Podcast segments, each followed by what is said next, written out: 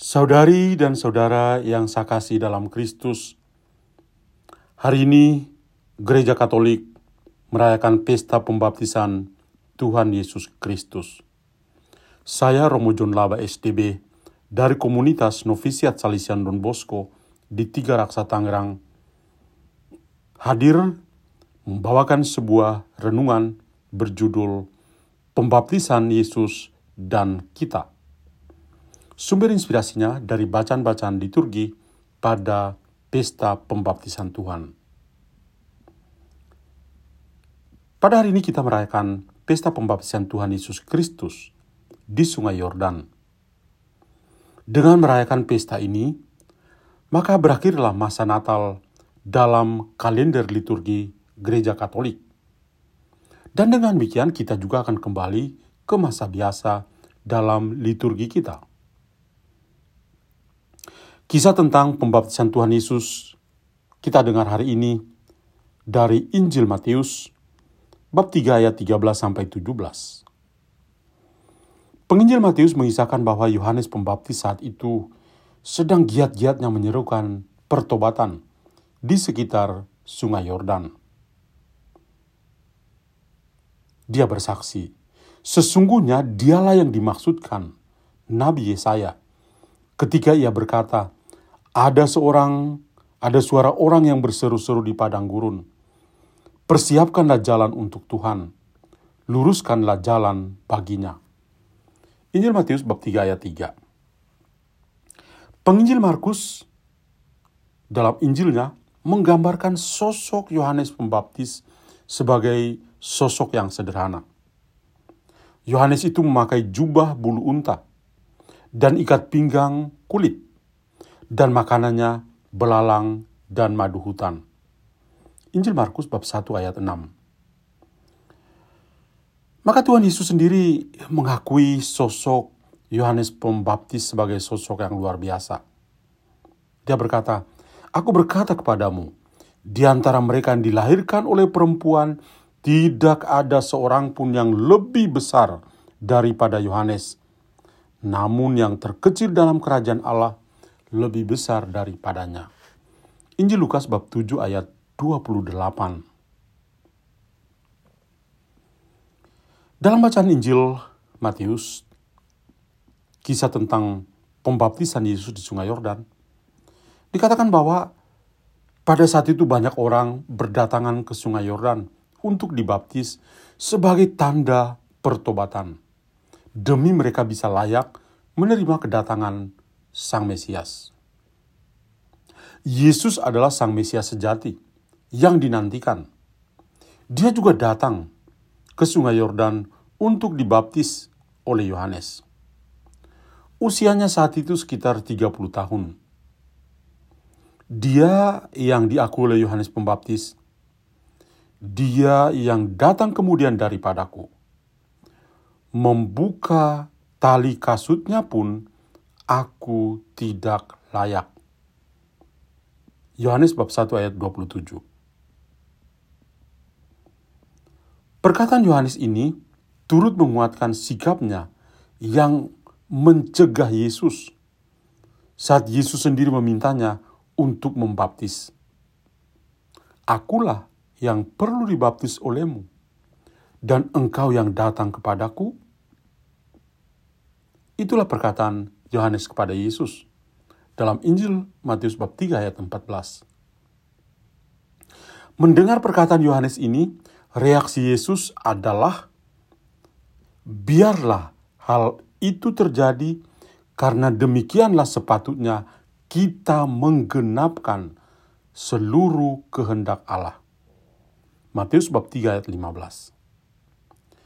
Dan Yohanes sadar diri atas tugas perutusannya sebagai suara yang berseru-seru, sebagai dia yang mendahului kedatangan Sang Mesias. Maka ia pun menuruti dengan membaptis Yesus.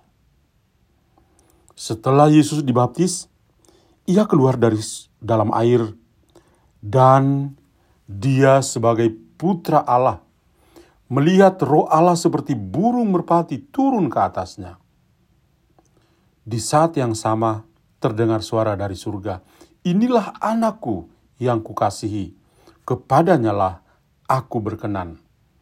Injil Matius bab 3 ayat 17. Lihatlah kehadiran Tritunggal Maha Kudus. Yesus Sang Anak Allah, Sang Putra, hadir di sungai Yordan untuk dibaptis. Dan pada saat itulah ada roh Allah yang turun dalam rupa burung merpati. Turun ke atasnya.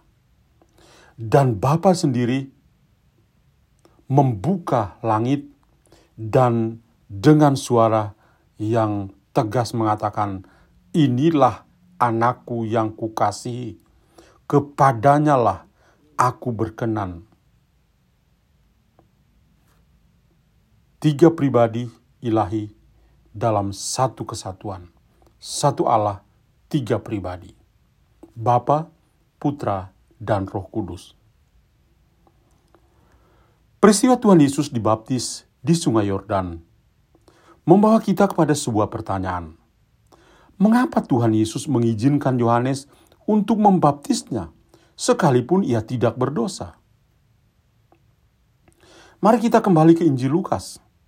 Penginjil Lukas bersaksi bahwa kaum pendosa saat itu, dalam hal ini para tentara, para pelacur, para pemungut cukai, mereka itu datang kepada Yohanes untuk mendapatkan baptisan pertobatan dan pengampunan dosa. Injil Lukas bab 3 ayat 3. Tuhan Yesus sendiri sebenarnya tidak membutuhkan baptisan seperti ini karena ia tidak berdosa. Dia siap untuk dibaptis oleh Yohanes Pembaptis karena dua hal penting ini. Pertama, Tuhan Yesus adalah anak Allah yang mau bersolider dengan situasi dosa di dunia ini, meskipun dia sendiri tidak berdosa. Yang kedua, Tuhan Yesus Kristus memahami pembaptisannya sebagai sebuah antisipasi atas sengsara, wafat, dan kebangkitannya.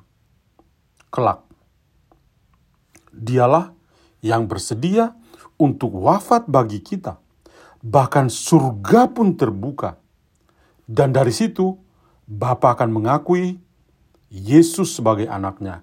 Inilah anakku yang kukasihi, kepadanya lah aku berkenan. Ada banyak hal yang menarik perhatian kita dari peristiwa pembaptisan Tuhan Yesus di Sungai Yordan. Tuhan Yesus dibaptis dan dengan demikian dia juga menguduskan semua air yang akan dipakai untuk membaptis manusia menjadi ciptaan yang baru. Katekismus Gereja Katolik mengajarkan begini, seorang katekumen dalam pencelupannya ke dalam air melambangkan bahwa dia dimakamkan ke dalam kematian Kristus, dari mana ia akan keluar melalui kebangkitan bersama Dia sebagai ciptaan yang baru. Katekismus Gereja Katolik nomor 1214.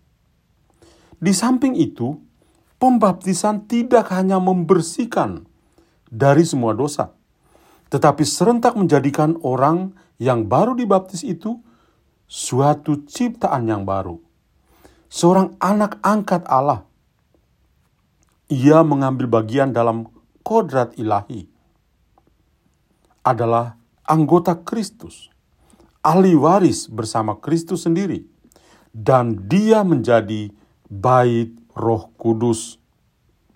Katekismus Gereja Katolik nomor 1265. Maka air yang dikuduskan Yesus di sungai Yordan kini dapat memberi manusia kodrat sebagai ciptaan baru, sebagai anak angkat Allah, dan mengambil bagian dalam kodrat ilahi. Santo Gregorius dari Nasiansa pernah berkata begini, Pembaptisan adalah anugerah Allah yang paling indah dan paling mulia. Anugerah, rahmat, pengurapan, penerangan, busana kebakaan, permandian, kelahiran kembali, meterai, dan pemberian yang sangat bernilai. Anugerah karena ia diberikan kepada mereka yang tidak membawa apa-apa. Rahmat karena ia malah diberikan pada orang yang bersalah. Pembaptisan karena dosa dikuburkan di dalam air. Pengurapan karena ia adalah kudus dan rajawi, seperti orang yang diurapi. Penerangan karena ia adalah terang yang bersinar. Busana karena ia menutupi noda-noda kita. Permandian karena ia membersihkan. Meterai karena ia melindungi kita dan merupakan tanda kekuasaan Allah. Nah, lalu apa yang harus dilakukan oleh seorang yang sudah dibaptis? Anda dan saya saat ini. Seorang yang dibaptis menjadi anggota Kristus, ahli waris bersama Kristus, dan bait roh kudus Sebab itu, orang itu harus semakin serupa dengan Yesus Kristus dalam segala hal. Anda dan saya yang sudah dibaptis harus semakin serupa dengan Yesus dalam segala hal. Salah satu hal yang paling jelas adalah ikut memberi kesaksian sebagai orang yang dibaptis dengan berkeliling dan berbuat baik seperti Kristus sendiri. Santo Lukas dalam kisah para rasul bab 10 ayat 38 memberi kesaksian ini. Yesus Kristus berkeliling dan berbuat baik. Kita pun harus demikian. Mengapa? Karena ini adalah bagian dari kuasa pembaptisan yang pernah yang perlu dipegang teguh oleh seorang pengikut Kristus. Orang Kristen sejati harus semakin serupa dengan Yesus dalam hidup dan karyanya. Maka, lakukanlah semua tugas kehidupan kita sebagai orang yang dibaptis. Semoga janji-janji baptis yang kita janjikan dengan penuh kebanggaan itu kita lakukan dengan sebaik-baiknya. Dengan cara apa? dengan berkeliling dan berbuat baik sebagai tanda kesaksian bahwa kita adalah pengikut Kristus. Marilah berdoa. Allah Bapa dalam surga, kami bersyukur kepadamu. Engkau luar biasa. Engkau berikan kami Yesus Kristus yang hari ini dibaptis di sungai Yordan dan kami kenangkan. Semoga kami juga mengenangkan janji-janji baptis kami di hari pengudusan kami di saat kami dibaptis. Semoga kami juga boleh melakukan janji-janji baptis kami dengan setia hari demi hari, dengan berkeliling dan berbuat baik seperti Kristus Putramu sendiri. Amin. Dan kiranya kita semua sepanjang hari ini senantiasa dilindungi dan diberkati oleh Allah yang Maha Kuasa, Bapa dan Putra dan Roh Kudus. Amin. Tuhan memberkati kita semua.